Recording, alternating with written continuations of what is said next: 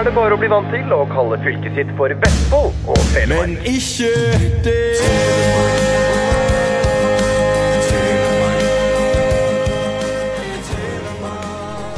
Hei og høpp, og velkommen til en ny episode av Lokalpodden. Ingunn, nå er dette episode 15, og ikke 14, som man blir siden det vi sa at det var episode 13 i forrige. Så vi har laga flere enn det vi eh, tenkte. Med lyge avkom. Oh yes. Yes. Du, hva hva skjer i Ingunns liv disse dagene? Så lite at det ikke er verdt å si så mye. Jeg jobber og er med unger, pødder med deg. Det er det Alle det sammen. Ja, det er det jeg driver på med. Prøver å finne Det jeg liksom bruker en god del tid på, det er å klekke ut gode gjester. Hvem er det som er morsomt å ha med seg på puben? Ja. Og det må jeg si at liksom Det er mer tidkrevende enn jeg hadde trodd. Ja, ja, ja, ja. Det er jo sånn, Vi har jo saumfart. Fladdal selvjordsområde, liksom. Det, vi, kan jo, vi må bare bevege oss utover. Ja, det tror jeg. Så det er en shout-out, da, rett og slett. Hvis um, Vi fenger mange gode forslag, så vi har faktisk mange på lista. Mm. Uh, så det bruker vi litt tid på. Ja. Mm. Eh, og nå har det endelig kommet litt sno. Jeg håper at vinteren tar litt tak nå, for det har vært så klen vinter til nå. Ja, det må du Det, det, Det må det er dine til det får- værgudene. Det får du stå for. Jeg var veldig glad for den manglende snøen.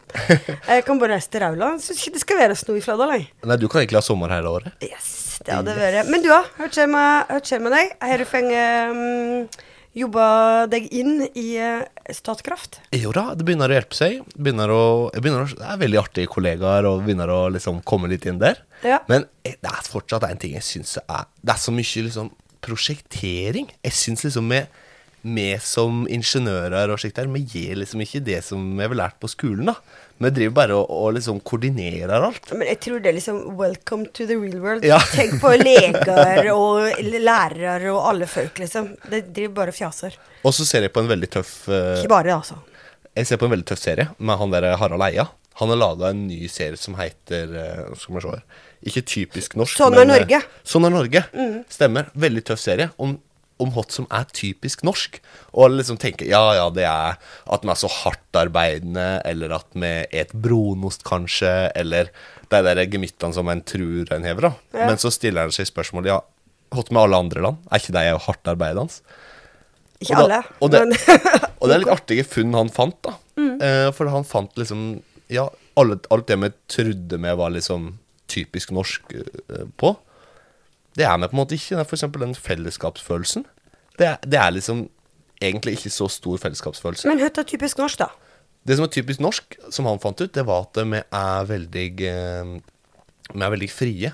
Og? Uavhengige? uavhengighet. Ja. Og en, en tror at den velferdsstaten, den modellen vi hever av, det syns jeg er det mest interessante. Ja. Det bygger jo på at det, liksom, det skal være et fellesskap, du skal betale inn skatt, og så skal man ha felles goder. Ja.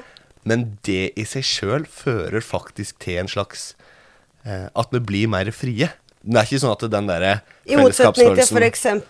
amerikanerne mener, da. Ja, ja, At en streng stat eh, begrenser fri, eh, personlig frihet. Ja, men det som skjer der, er at de er nødt til å ha mye tettere oppfølging fra foreldre. Ja. i- Opp gjennom utdanning og slikt der. At de må ha mye mer hjelp. Mens her har vi alle de gode støtteordningene. Lånekassa. Vi har Nav hvis du sliter. Så alle ordningene vi har, det er for at vi skal være mer eh, frigjorte og uavhengige. Ja, Summa summarum.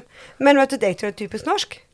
Det er å lure på vet du, som er typisk norsk. Det er vi veldig glad i. Ja. Det bruker vi mye tid på. Ja, ja. Jeg elsker å snakke med utlendinger. Liksom, Hva er typisk norsk? Det er liksom, Hva syns du om Norge?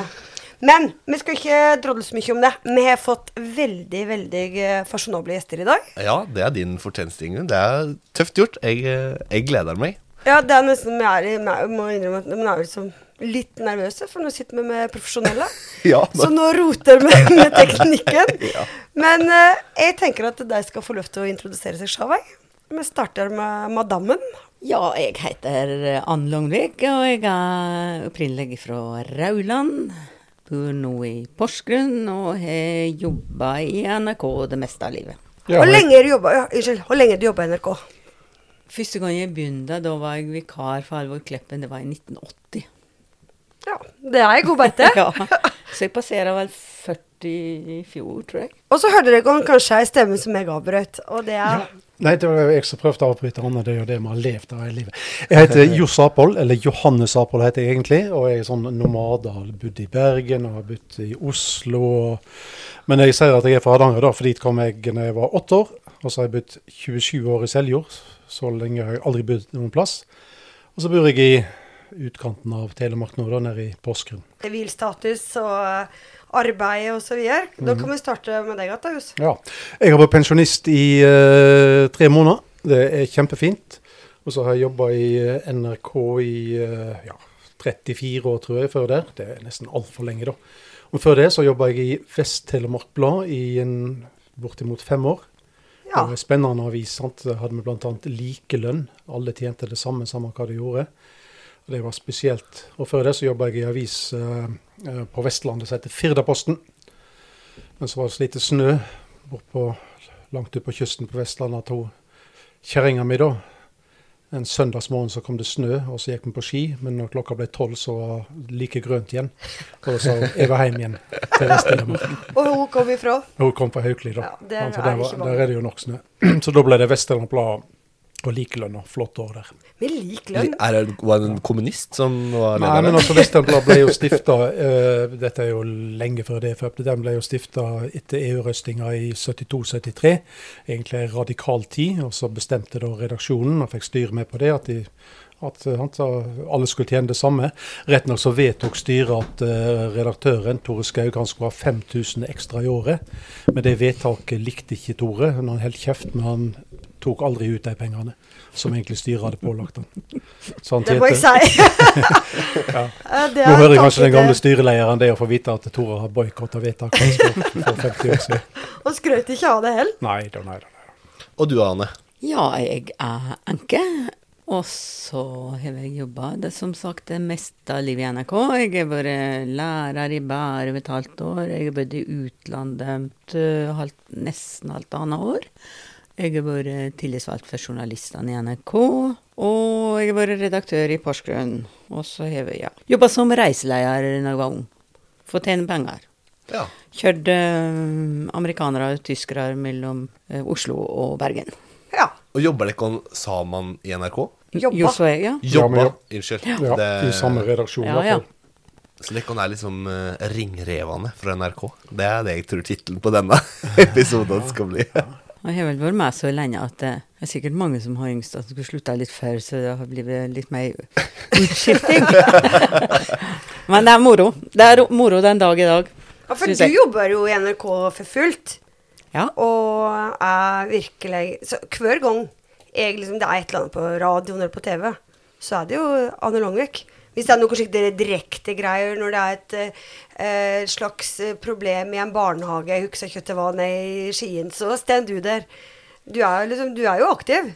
Ja, Jobber ja, du 100% Ja da. Ja. Og jeg, jeg har jo sett liksom veldig morsomt jeg, så, jeg, jeg kjenner ikke så mye til deg, men jeg søkte litt på nettet i går. Og jeg fant et sånt nydelig bilde av deg der du sitter i en robåt. Reporter Anne Longvik, og så ror du ut når det er flom en eller annen plass. Skottfoss. Skottfoss. Kan du fortelle hvordan det var? ja. Det var, jo, det var jo flom.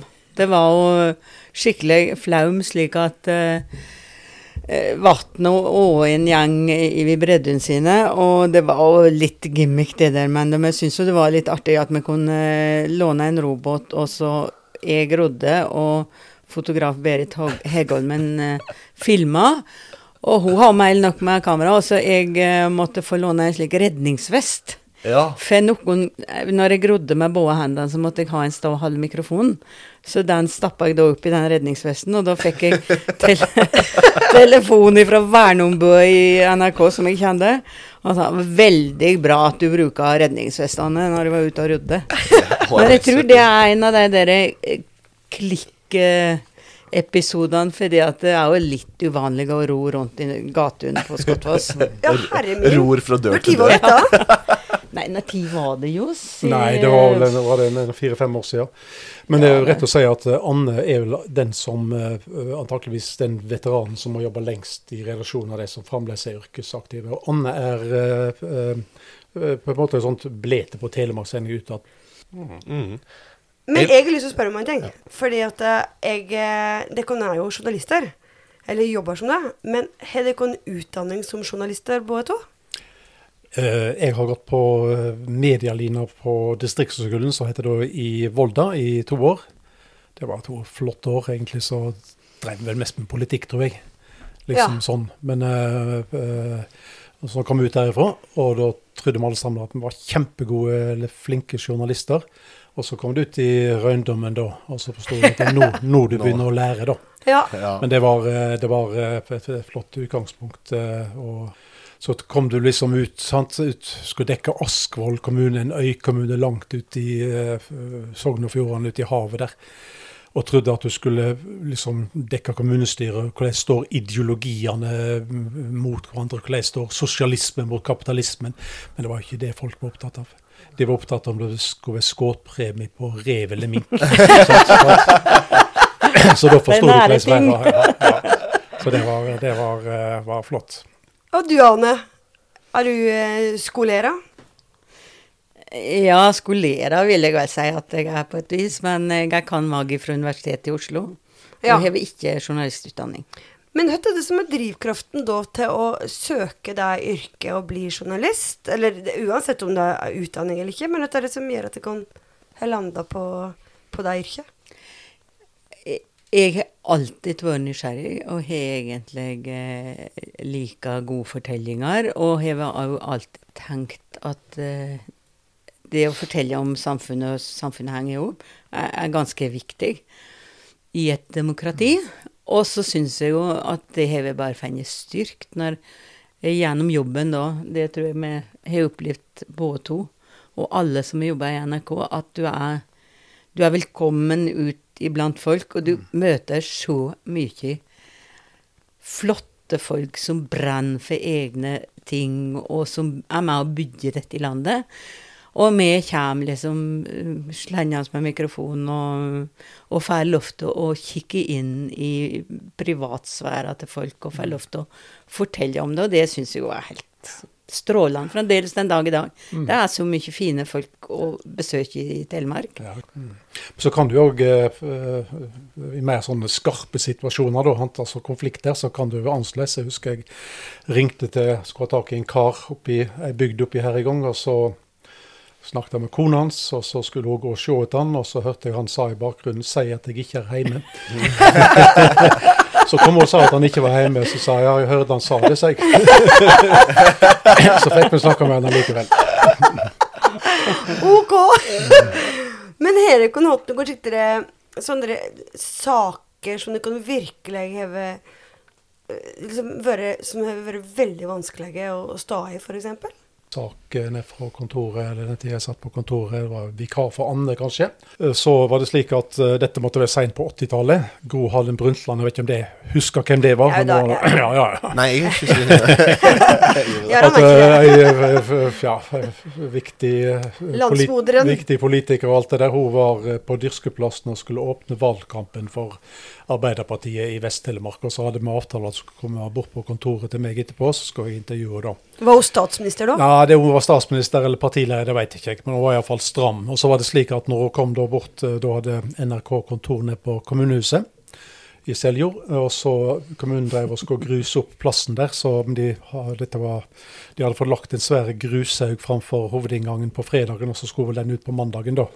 Og så kom Gro på lørdagen, så først måtte hun klatre over denne grushaugen. uh, og så kom hun inn på kontoret der jeg hadde sett og forberedt meg ganske grundig Ja. og røykt ganske tett, som jeg gjorde i den tida. Ja. Så det var ei ei jækla skodde av tobakksrøyker på det kontoret. Og Gro, selvsagt, hun øh, ble ikke blid. Så Så var ganske harm øh, på denne øh, tobakksrøyken, da.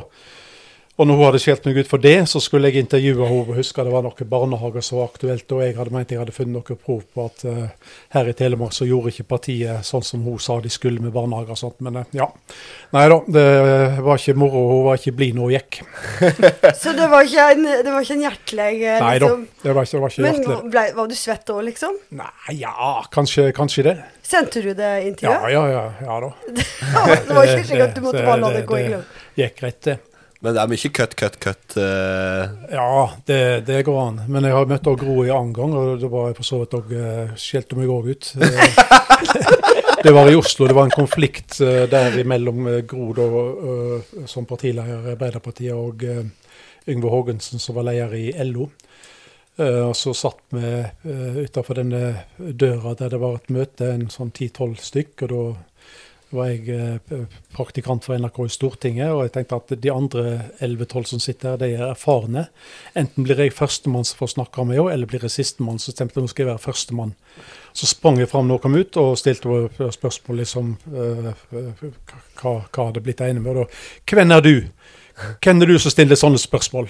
Og dette gikk, dette gikk uredigert på Dagsnytt. og husker Det var for å vise hvor egentlig hun var da på tuppa. Det var en alvorlig konflikt. sant? Alvorlig LO og Arbeiderpartiet er ikke enig i da.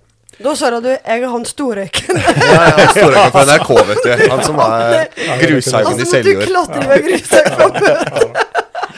Ja, men du har vel Er møtt mange slike som har vært litt stressa? Husker jeg ikke Liv Signe Navarsete når hun kom eh, ut fra noen sånne partiforhandlinger. Og så Dere veit ikke hva dere snakker om! Ja, jeg har vært uh, jobba i dager og netter! Ja, og det dere var jo, hun ble ikke sitte her. konfrontert med en sånn sak. Men det kan jo sitte i ganske mange kommunestyrer her, kan ikke det? Ja. Eh, Har dere hatt noen noen morsomme historier fra, fra da dere kunne sitte i noen plasser? Jeg husker, jeg har kanskje dødt enda mer kommunestyre enn andre som ikke har, altså lokalavisene dekker det på en annen måte. da. Så jeg husker en eh, sak eh, fra Nissedal. Eh, I Nissedal så var det slik at folk flest i Nissedal syntes nok at de som arbeidet i kommunen, de hadde det godt. sant? De hadde lønn en gang i måneden, og ganske god lønn, syns de. Det var ikke alle som hadde det. Og så ble det òg Det var faktisk òg en sånn 1. april-sak. Da la eh, eh, ordfører eh, Jon Tronsen, eller tar jeg feil nå? Hva heter han? Johan. Johan, selvsagt, ja. Så, nå husker jeg ikke det heller. Men Johan Tronsen la fram ei tilleggssak på kommunestyremøtet som var 1. april. Og det var ei løyving på 30 000 til en sånn eh, uterestaurant for de ansatte på taket av kommunehuset. Inne, vet var du. Og da, da ble det leven. Altså 30 000 til parasoller og stoler, så de skulle få sole seg i den matpausen som de i tillegg hadde betalt for. Jeg, jeg syns det hørtes ut som en mega-investering. Men det er vel noen slike kommunestyrer som er litt mer trauste enn andre. I forhold til, Jeg hørte noen eh, runder i Vinje, f.eks. Der de eh, Men kan du ikke lansere teorien, da? Som Trygve Seiertekon? Om at eh, i Seljord så er, og Kviteseid så er det liksom alle er enige, og det er liksom de er venner og vel forlikte. Ja. Og så er det liksom litt sånn i tukke, men så kommer du opp til Vinje. Der, der skyter jeg fra hofta, og der, er, det- der stormer de ut og kaller hverandre det ene og det andre. Det er iallfall min erfaring fra Vinje, eh, som jeg har dekt ganske mye før i tid, at der er det masse sterke politikere. Men eh, Anne, har du opplevd i din karriere i NRK at du på en måte måtte gå over noen grenser? Med tanke på f.eks. denne Vær varsom-plakaten, som jeg og Ingunn ikke er bonden av. For det vi er bare som frittalende, som, bare- som er bare vi. Men i NRK så er det jo litt eh, andre retningslinjer. Måtte ha tagd grenser, kanskje, for å få komme til bunnen i saker. Men, men vi er jo egentlig nokså påpasselige med å, ikke, ikke bryte Vær varsom-plakater. Uh, sørge for at uh, hvis det er stridssaker, at alle får tilsvarsrett. Uh, og det er jo et kjempesterkt krav, og det er et rettferdig krav òg, tenker jeg. At en skulle ha den tilsvarsretten veldig høyt i mente når en jobber med konfliktfylte saker. Fordi at det er grusomt å bli hengt ut i pressa Ja. og ikke få lov å forsvare seg. Og vi hever så vanvittig gjennomslagskraft. NRK har det fordi at når vi lager noe som er store saker lokalt, så er det ofte òg store saker nasjonalt. Og det er jo Det var litt typisk når du sier det med Navarsete. Det er klart at hvis de har vært på et partimøte eller har vært på et alminnelig møte borte på Vestlandet, så, så ville ikke folk ha visst om det. De som sto nærmest av våre, syntes hun var helt utidig. Men Ja. fordi at hun Fordi at pressa er til stede, så blir det kringkasta. Hun kan aldri bli kvitt det. Hun kommer aldri til å bli kvitt det. Og det gjelder Det gjelder jo mange saker. Det er Bjugn. Hva er det vi Ja. forbinder med Bjugn?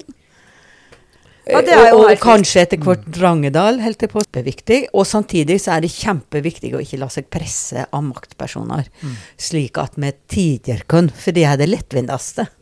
Men det formatet som vi jobber i nå, podkast og slikt noe, som ikke er faktisk enda, i hvert fall formelt eller juridisk bundet av Vær varsom-plakaten, tror dere kan at det kan by på problemer? Det var et veldig godt spørsmål. og Det lurer jeg på, faktisk. Ja. Nei, men det er, jo, det er jo bonden av en del slike ytringsfrihetsregler som handler Ja. om at en ikke skal Diskriminere sjikanere og og diskriminere og og slikt noe. slik. Ja. Men vi er jo for eksempel har jo ikke jeg, eh, Nå er jo ikke med på, i det formatet, men jeg hører jo på store podkaster som eh, hever typ eh, ja, 800 000, 1 million avspillinger i landet, og de lever av det. Og de sitter jo og, og outer hverandre og navn, og liksom de roter i sin egen sånn kjendistilværelse. Og det får jo ikke noen store konsekvenser eh, for deg enda. Det er vel på trappene, kanskje, men tror du ikke at det liksom for, forringer eh, journalistikken, på en måte? For dette er jo ikke journalisme. Det jeg og på nei, men jeg vil jo tro at hvis eh, Anne eller meg nå hadde kommet med noen voldsomme angrep på, på personer som ikke er og kan forsvare seg, så syns tenker jo jeg at uh, da må jo det som programleder si at uh, stopp, stopp, den personen Men du, Jos, Johs, tenk det. Du har ikke lyst til å komme med en utblåsing nå, etter Nei. alle disse åra. Når du har- når du har- Bare oute. når du har levd i dette yrket så lenge, nå, nå er jeg vært pensjonist sant, i tre måneder, og Ja. prøver av og til på Facebook skal jeg mene noe, men jeg får det ikke til. Du er liksom så inngrodd, du, liksom, det ligger sånn i deg at du skal ikke mene noe om, om skarpe spørsmål. Jeg kan like sånne landskapsbleter og sånt, det er jo farlig. Det er ikke farlig. Men eh, å mene noe sånn offentlig, det, det har du trent så lenge på å ikke gjøre at det er du litt forsiktig med, da. Og så er det, og så er det selvsagt forskjell dette med podkast som jeg er gruleglad i, egentlig.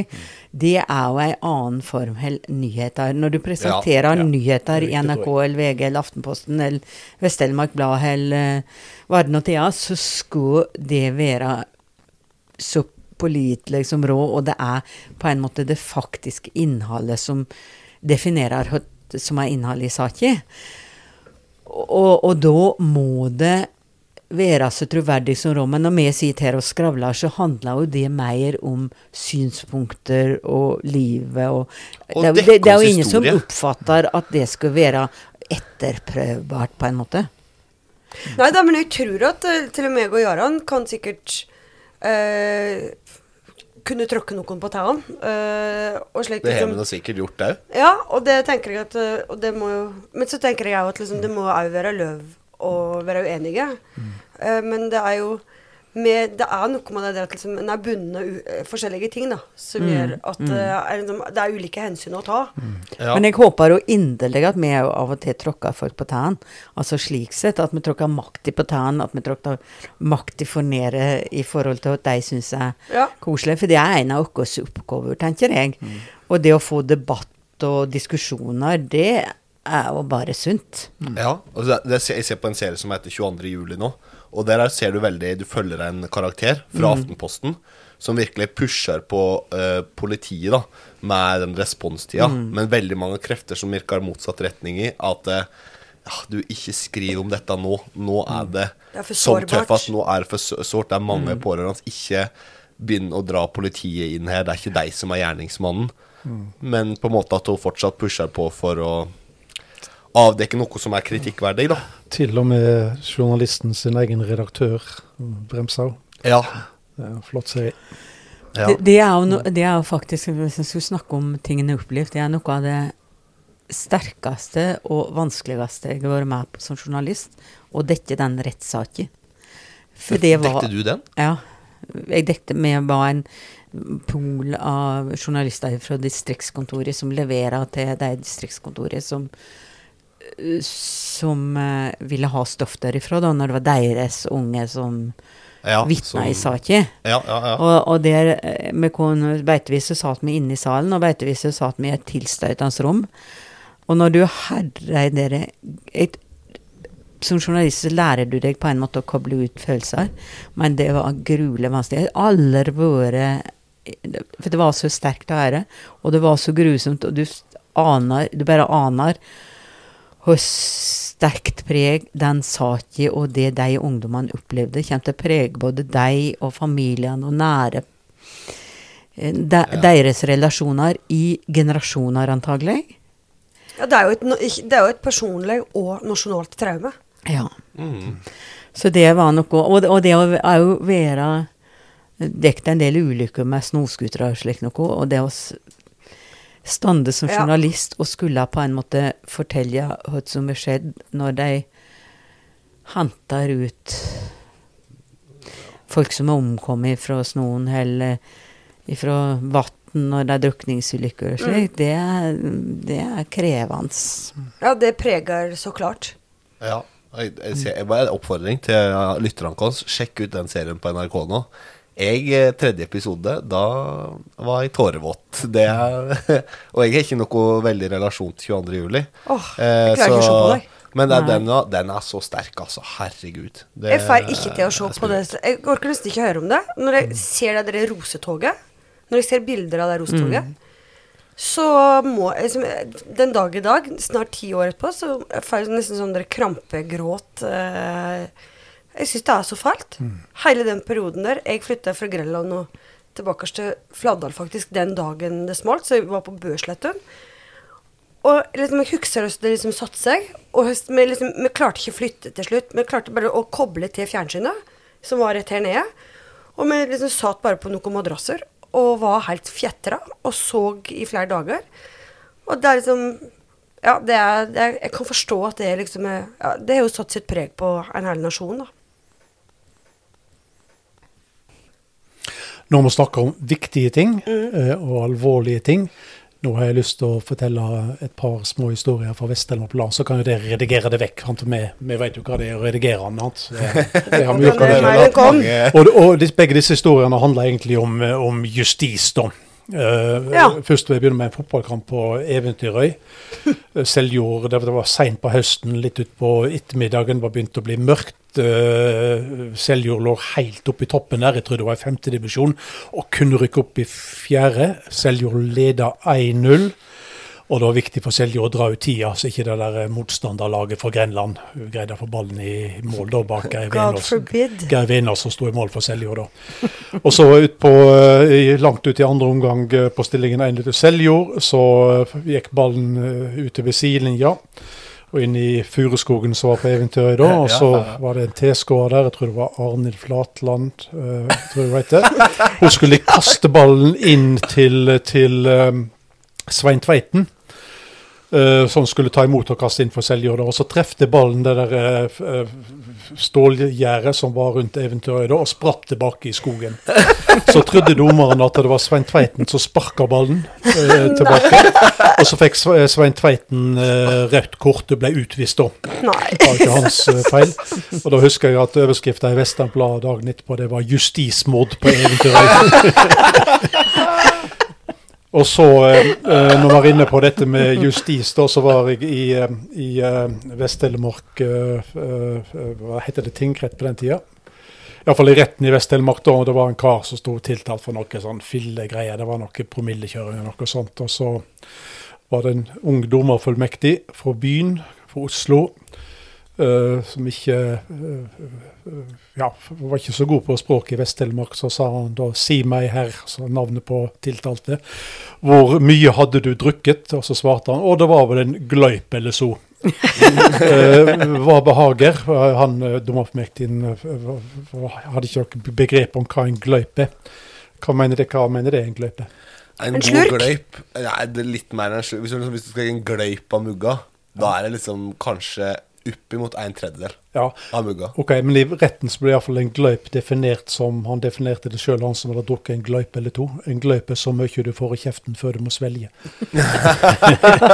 Men eh, promilleprøven viste nok at ja, det var mer enn én gløyp. Du har- får ikke så høy promille at du må møte i retten av en gløyp eller to. Det hadde vært moro om det var en sånn rettssaksdokument. Han tok 57 gløyper. Ja, med- ja, ja.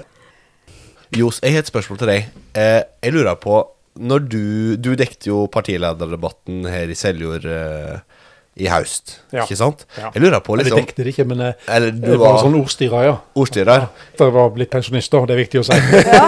Jeg og Ingunn dekte jo den eh, debatten i ordstyrer. Fradal. Ja. Og Ingunn var ordstyrer. Og jeg skal ikke oute det med Ingunn, men du var ganske nervøs for den debatten. Ja, ja, ja.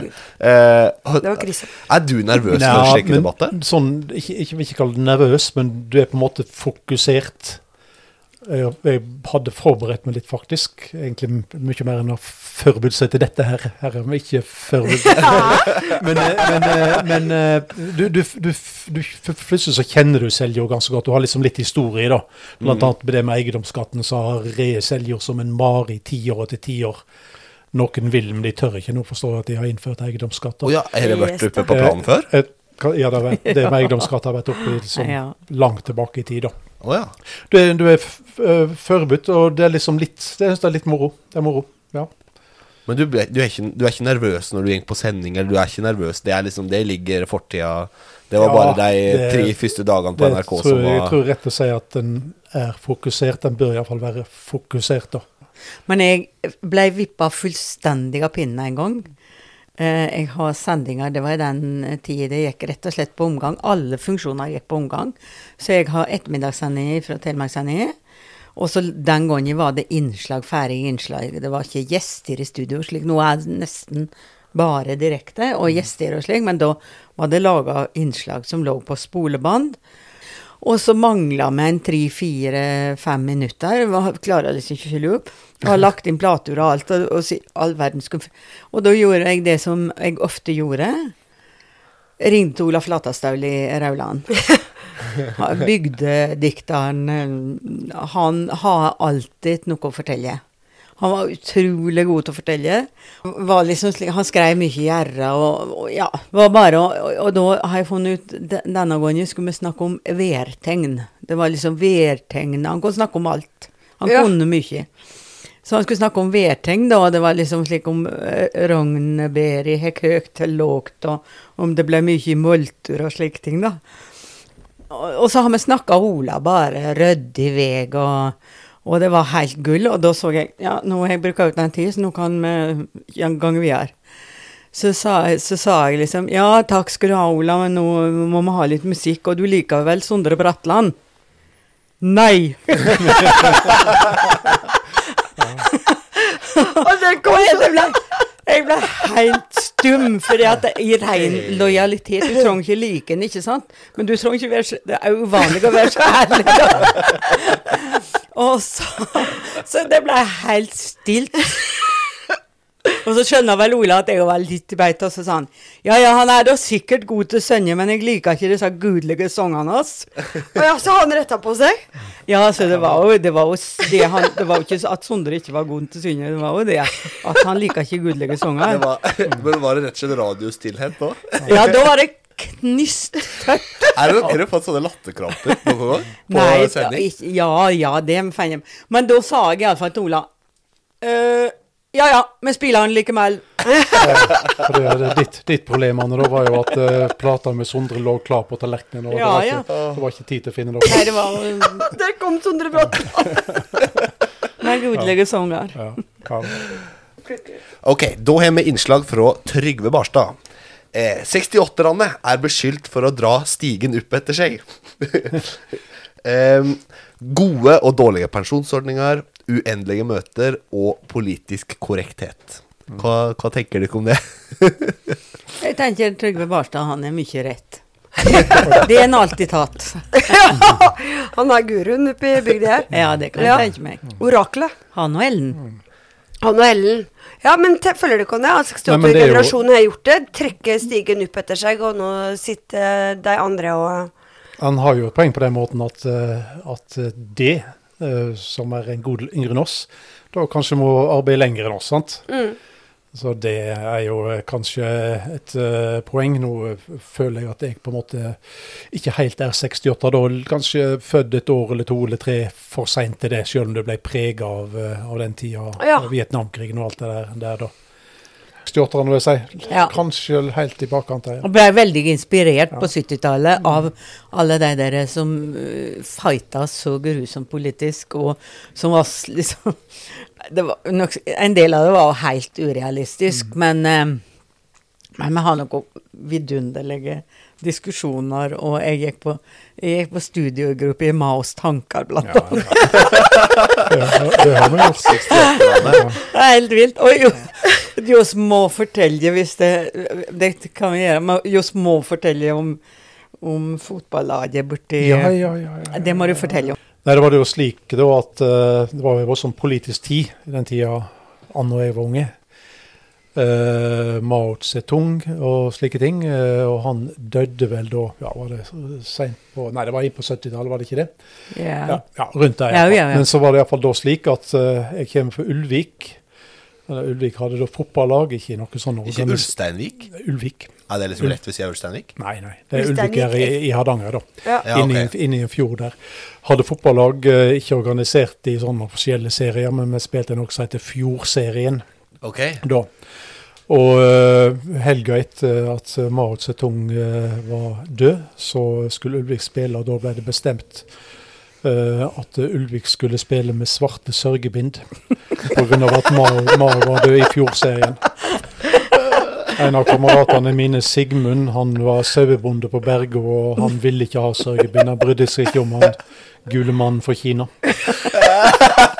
Men det viser jo at, eh, at dette var ei politisk eh, tid, og at når en, eh, en, en politiker på Kina påvirka hvordan sitt fotballag i, langt inn i fjor i Hardanger skulle opptre. Men er ikke det for liksom Mao sånn, til, I retrospekt så er jo liksom han Det er jo ingen som hyller han så voldsomt i dag. Nei. Mao stiller røde, da? Ja, ja da. Ja, men- Nei. Ja, jeg, jeg, gikk på, jeg var jo med på slik studios, studiesirkel i Maos tanker. Og lærte liksom ideologien, på en måte. Ja, og vi diskuterte veldig, det var så alvorlig at Og da var det ei nydelig jente som har studiesirkelen hjemme hos seg selv, da. Og hun har masse Da var det så populært, alle med unge da. Har ikke eh, vinflasker som sjafsak var tomme, og så har vi stearinjuice oppi der. Ja, ja, ja. Og så slekte vi alt elektrisk juice, og så satt vi og diskuterte oss tanker. Men dere drakk rødvin her. Ja, det Heimelaga? Og det var billig. Men jeg tenker det at eh, hvis vi er tilbake til foreldregenerasjonen eh, etter krigen og slik, så var det fattig. Da bygde vi på en måte det sosiale og demokratiske Norge på nytt, på et vis. Ja. Og for foreldre våre, og foreldre til 68-erne, da, for, dere, for deg så var det liksom et stort siktemål å skaffe ungene sine utdanning og et bedre liv økonomisk enn det de har hatt. Og så er vi så heldige at en finner olje, og så blir vi gørrike. Og, og det er klart at vi på et vis har nytt så Min generasjon har nytt så godt av denne velstanden. Og det er en viss bekymring, det må jeg si, for hvordan det skal gange hvis en ser 20 år fram, da. Både i forhold til miljø og i forhold til økonomi. At en, jeg, tror, jeg tror vi har vel liksom vært noen sier dessertgenerasjonen, og det Ja, kan jo Ja. godt, det er godt stemme. godt poeng. Eh, og, og så tror jeg det er slik at det vil nok alle i ei utvikling nytta seg av når det først kom. Altså bare Ja, ja, det der med Når folkevognene kom, så ble jeg For første gang så ble det liksom en bil som var folkeeie. Veldig mange fikk seg bil. Ja, ja, det ble allmenn uh... Så, så det tenker jeg eh, noe Det som bekymrer meg mest, er på en måte miljøet og de endringene du ser. Og det er jo delvis skapt av den velstanden. Ja. Og så syns jeg det er litt skummelt at jeg syns at styresmaktene er ubevisste i forhold til vann, f.eks., som kanskje er den nye oljen. Som kommer til å bli så viktig med rent vann. Vi skal ikke så veldig langt fram før det er eh, mangelvare Ja. i store deler av verden. Og det føler jeg ikke det er politisk bevissthet, at det er ikke kom vil få snakke om det. fordi det betyr at vi må kanskje senke Vannforbruket, f.eks.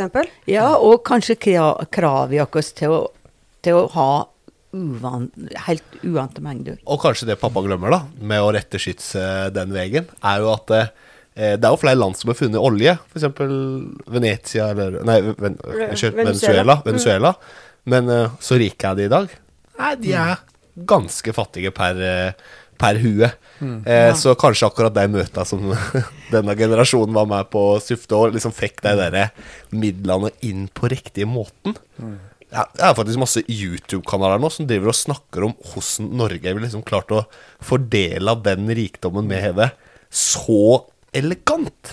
For det, det er noe med den der fordelinga som har funka så sjukt bra i nesten ja, I hvert fall veldig mange andre land så hever den der bare enda opp i enkeltpersoner sine hender, da.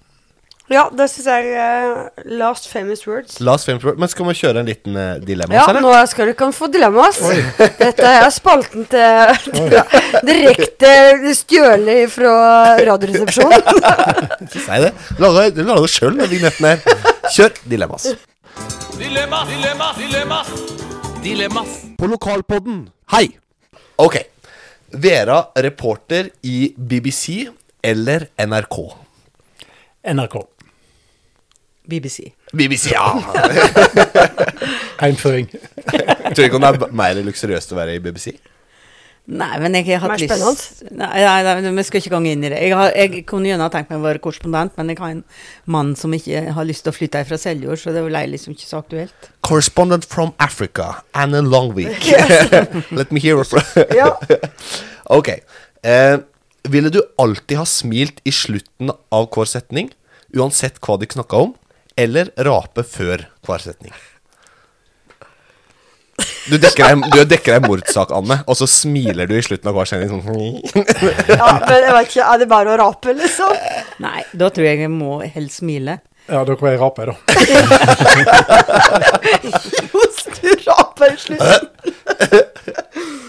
eh, Jos, hva hadde du foretrukket? Å føde et barn eller bli sparka i ballene like lenge som fødselen varer? Det er vel, det, Antatt at han ikke blir impotent, eller at han ødelegger ballene. men det er vel mest realistisk å bli sparka i ballene.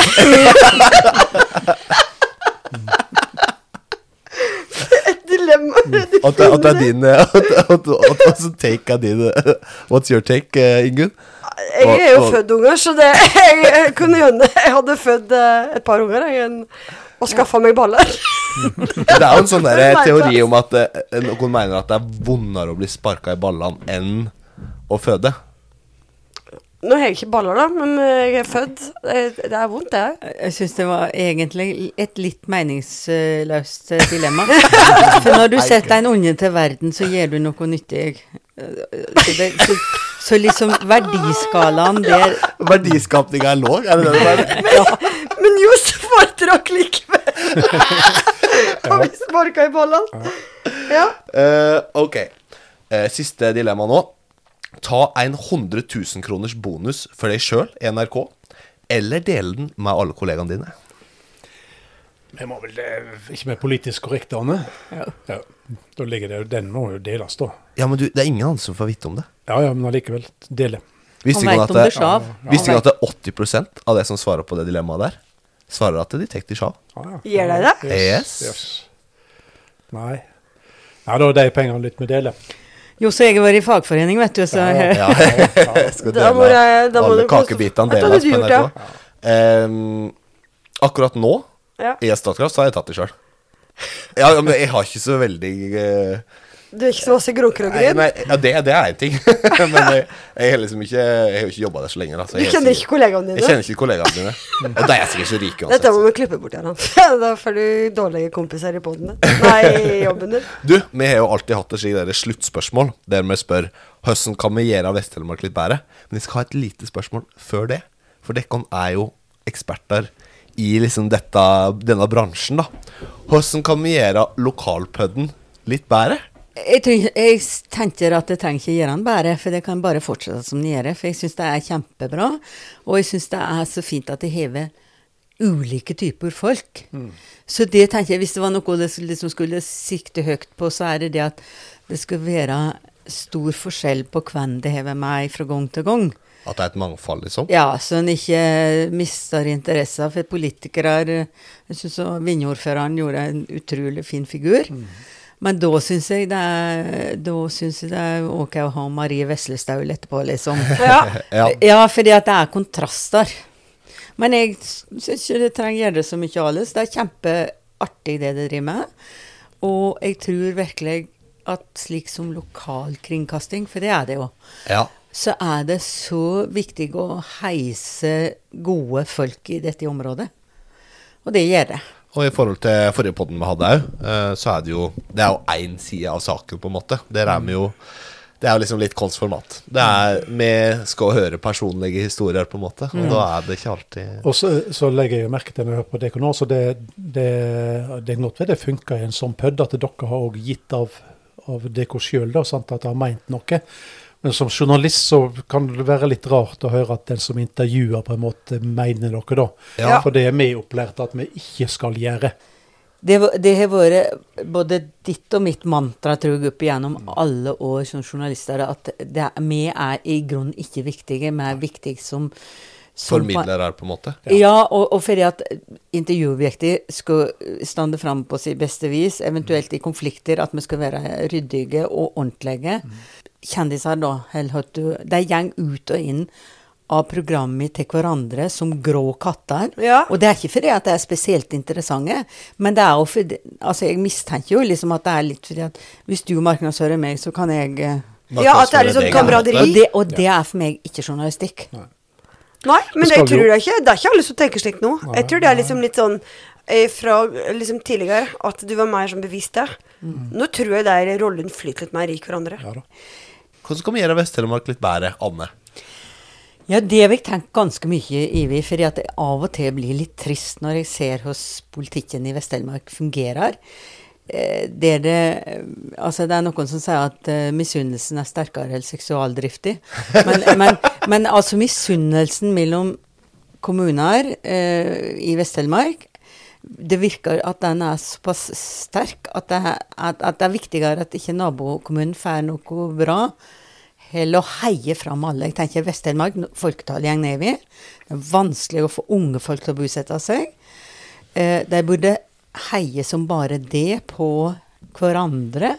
Og og en burde kanskje òg se litt mer på å legge slik som det er gjort i barnevernet, legge kompetansesenter sammen, slik at det ikke sitter én som driver med næringsutvikling i hver kommune, men at de kanskje satt i Høydalsmo Høydalsmo alle sammen, da. El, og jeg tenker òg at uh, Lukk til Øyfjell, for eksempel, fordi at de for noen år siden så gikk det jo Barnetallet i Øyfjell gikk ned, så det, det stupa, og de har til slutten ja, var 18 elever i skolen der. Og, og det var, ble jo rasla med sablene fordi at det er dyrt å opprettholde en så liten skole, og det er ikke nødvendigvis bra heller. Og så tok de eksempel fra Løkk i Nærøyhuset og laga Øyfjell City og en masse forskjellige tiltak. Hele bygda hever vel på bidrar på en måte til å få en vekst, og nå er det altså 44 unger i skolen der. Og neste år blir det 50 unger i skolen, og skolen er egentlig altfor liten, men jeg tør at de kan ikke snakke om å bygge på, for da blir det sikkert noen som syns det er bare å legge ned. Men, men der har de altså lyft den bygda, som ikke har så stort potensial som andre bygder i Vest-Telemark med stor turistutbygging og allting. Men, men fordi at de går i hop og gjort noen kreative, gode ting. Og det tror jeg man kan lære av, fordi at hvis folketallet fortsetter å gange nedover, så blir det ikke koselig å bo i Vest-Telemark. Nei, nei, helt klart. Du vet jo, siden vi har podda her, Ingunn, så har folketallet i Øyfjell auka med 30 folk. Så jeg med starta på den. Ja, fra oktober. Siden vi framsnakka det så mye. Ja, men det er utrolig. Liksom, vi har snakka om det mange ganger på poden. Vi må jo herme etter Det må vi gjøre i alle Men hva tenker du, eh, Johs? jeg tror at eh, altså, politikerne i Vest-Telemark gjør så godt de kan, og jeg uh, veit iallfall ikke har ikke noe sånn eh, løsning, løsning på det. Men det, det, går, det er jo en del ting som går bra. da. Du ser på eksempel Vinje, da. Som er nå en stor reiselivskommune, hyttekommune med en, eh, den fjerde største i landet med er det opp mot 5000 hytter. Og som alle misunner. For det er så mye skatt i det. er så, Ja, så det, det er klart at det, gir- det, gir, det gir inntekter, det. Og så er det grenser for hvor mye du kan bygge, og ikke minst hvor høyt opp på fjellet de kan, kan eh, bygge da. Um, ja. Men jeg, men jeg tenker på det, Vinje. Uh, du kan si at i Vinje kommune så tror jeg det har vært kanskje 50 000 arbeidsfolk fra Polen og Litauen og Latvia i løpet av uh, disse uh, høydepunktåret.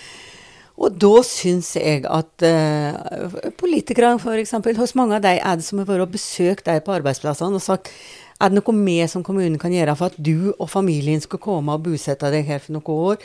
Eh, altså slik, Litt som Eifjell gjorde med det der prøvebostadet. Har de lyst til å prøve å bo her? Eh, Og det å på en måte se at her er det potensielle folk som både kan bety skatteinntekter og bety unger i skolen. Men det har ikke jeg hørt at de gjør, iallfall. Det Det er så lite som det der. Gå på besøk. Hei. Du, hva kan vi gjøre for at uh, dere skal bo her? Uh, Helt så enkelt som det, kanskje? Ja, og Robin Koss, når han ble ordfører i Porsgrunn, så, så oppsøkte han med kake alle nye innbyggere. Det var ikke lenge det varte.